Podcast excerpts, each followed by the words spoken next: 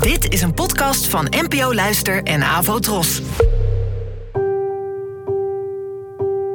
Poëzie vandaag. Met Ellen Dekwits.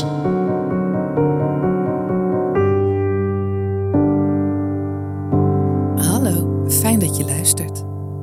Het gedicht van vandaag heet Kraai en werd geschreven door de Nederlandse dichteres Gerry van der Linden, geboren in 1952. Kraai. Een zwarte wolk waaiert uit tussen de bladeren, pikt in het gras. Een kraai is zwart als regen. In zijn gewiekste gang vlucht hij voor een voetstap, een schaduw die heeft leren vliegen. Half slapen op een tak, zoals mensen doen als zij vogels zijn, nagloeiend in het struikgewas. Elke keer als ik de geblakerde veren zie, is daar jouw glimlach, hoor ik jouw stem. Wat is het gras groen?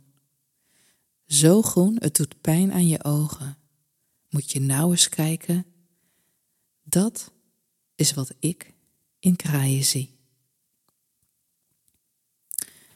Ja, een van mijn lievelingsuitspraken is dat we de dingen niet zien zoals ze zijn, maar zoals wij zijn. En dit citaat komt van de Frans-Amerikaanse schrijfster Anna Isnin. En ik heb hem in deze podcast ook al eens eerder aangehaald.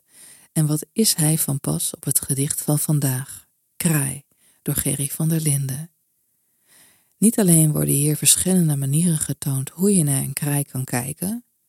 Hij is bijvoorbeeld een schaduw die heeft leren vliegen. Hij is een wees dat nagloeit in het struikgewas. Maar hier wordt ook getoond hoe de verteller naar kraaien kijkt. Als hij de geblakerde veren ziet, ziet hij de glimlach en de stem van iemand anders. En de suggestie wordt gewekt, omdat de kraai nou eenmaal een symbool is voor de dood, dat deze ander er dus niet meer is. En dat de verteller in rouw is, nog zo verdrietig is dat het groene gras, symbool voor het voorjaar, dus voor nieuw leven, haast pijn doet aan de ogen.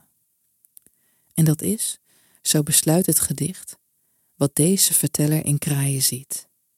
En waardoor je indirect weet wat er in die persoon omgaat, wat hem of haar is overkomen en hoe dat diens blik op de wereld bepaalt.